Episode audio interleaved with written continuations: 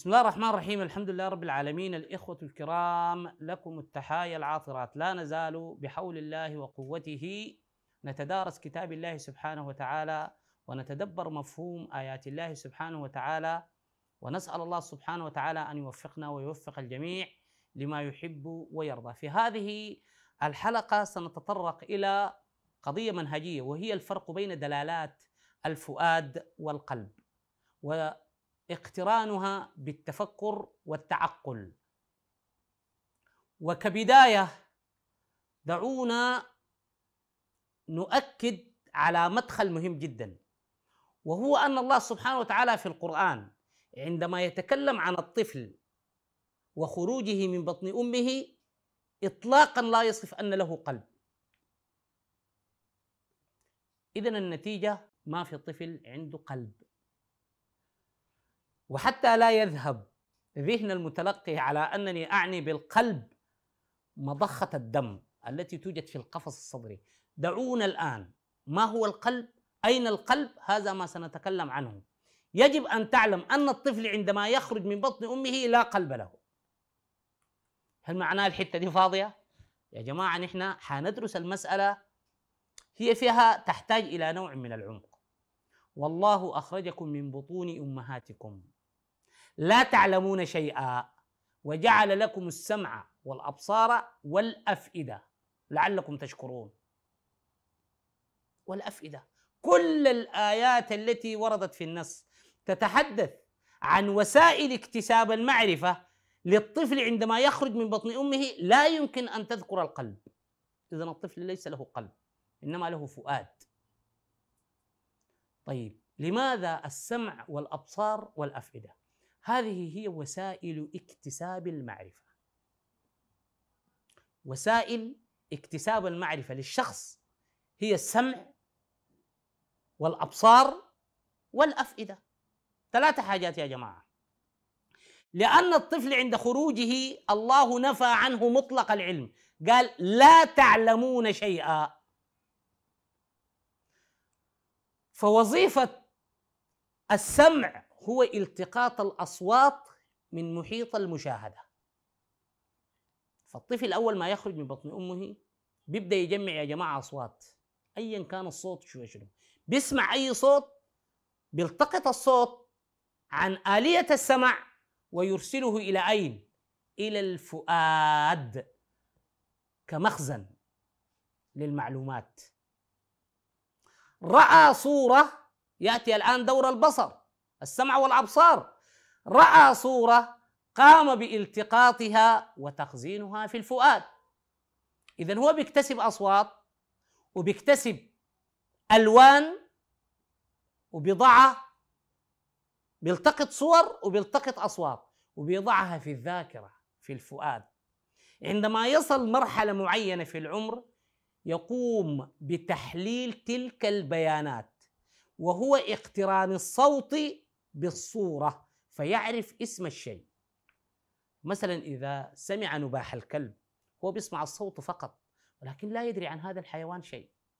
بيسمع الصوت ما عارف هو الصوت ده صوت شنو. لما رأى صورة الكلب حفظ الصورة. حينما يرى هذه الصورة المخزنة في الفؤاد ويصدر منها ذلك الصوت يعرف أن هذا الحيوان صاحب الصورة المعينة المخزنة من قبل وصاحب الصوت هو حيوان الكلب. هذه هي عملية التحليل.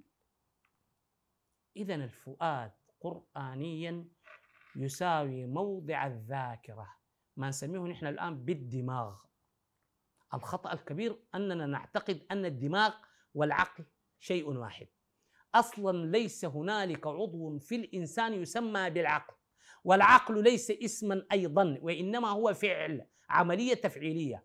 استخدام قدرات الذات للوقوف على حقائق الأشياء. هذا هو مفهوم العقل. ومنهم من يسميه بالوظائف العليا الوظائف العليا للدماغ البشري. هذا الكلام أيضا ليس دقيق. العقل هو وظيفة وليس اسم لعضو. ولذلك لم يأتي في القرآن الكريم بالصيغة الإسمية اطلاقا مع أن اشتقاقاته تجاوزت الخمسين مرة. في القرآن ما بنجد يا جماعة عقل العقل العاقل بالصيغه الإسمية ما حتلقاها. وإنما تجد الاشتقاقات الفعلية. يعقلون تعقلون نعقل عقلوها. هذه هي اشتقاقات. اذا التعقل هو فعل استخدام قدرات الذات للوقوف على حقائق الأشياء. أما عندما ندرس نتطرق إلى مصطلح العقل نفسه من أين جاء؟ جاء من العقال الرباط الحبس. هذا هو مفهوم العقل. حبست حاجة أنت عقلتها. وكانت العرب تطلق على الشخص الذي يحبس نفسه من ذميم القول والفعل يسمى بإنسان عاقل. ولا يقابلها جاهل عند العرب وإنما يقابلها أحمق. فالذي لا يستطيع أن يحبس نفسه عن ذميم القول والفعل هو الذي يسمى بالأحمق. اذا هنالك عاقل وهنالك أحمق. وسنأتي في الحديث عن العقل ربما في الحلقة القادمة. الآن دعونا في الفؤاد. الفؤاد هو مخزن المعلومات الذي يسمى الآن بالدماغ أو يسمى بالمخ في العامية.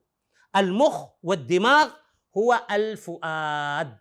ولكن القلب هي وظيفة لاحقة تلحق بهذا الفؤاد عندما يصل الإنسان مرحلة عمرية معينة. هو كذاكرة اسمه الفؤاد.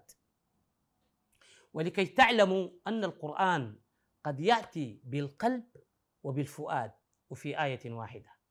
وكأنه يستفز العقل المتدبر لكي يفرق ضرورة بين دلالات القلب والفؤاد. انظروا إلى قوله تعالى فأصبح فؤاد أم موسى فارغا. إن كادت لتبدي به لولا أن ربطنا على قلبها لتكون من المؤمنين. الفارغ الفؤاد. الربط تم على القلب. انتبهوا الربط لا يكون على الفؤاد الربط يكون على القلب. وربطنا على قلوبهم في سورة الكهف إذ قاموا فقالوا ربنا الله. لولا أن ربطنا على قلبها والمرض يصيب القلب لا يصيب الفؤاد. في قلوب مستحيل تلقى في أفئدتهم مرض. لأن الفؤاد هو مخزن فقط لكن القلب هو الذي يقوم بعملية تقليب المحتويات لاختيار قرار وحبسه ليمثل قناعة للشخص. هذا ما سنطيل فيه الشرح في الحلقة القادمة. إلى أن ألتقي بكم أترككم في حفظ الله ورعايته. السلام عليكم ورحمة الله تعالى وبركاته.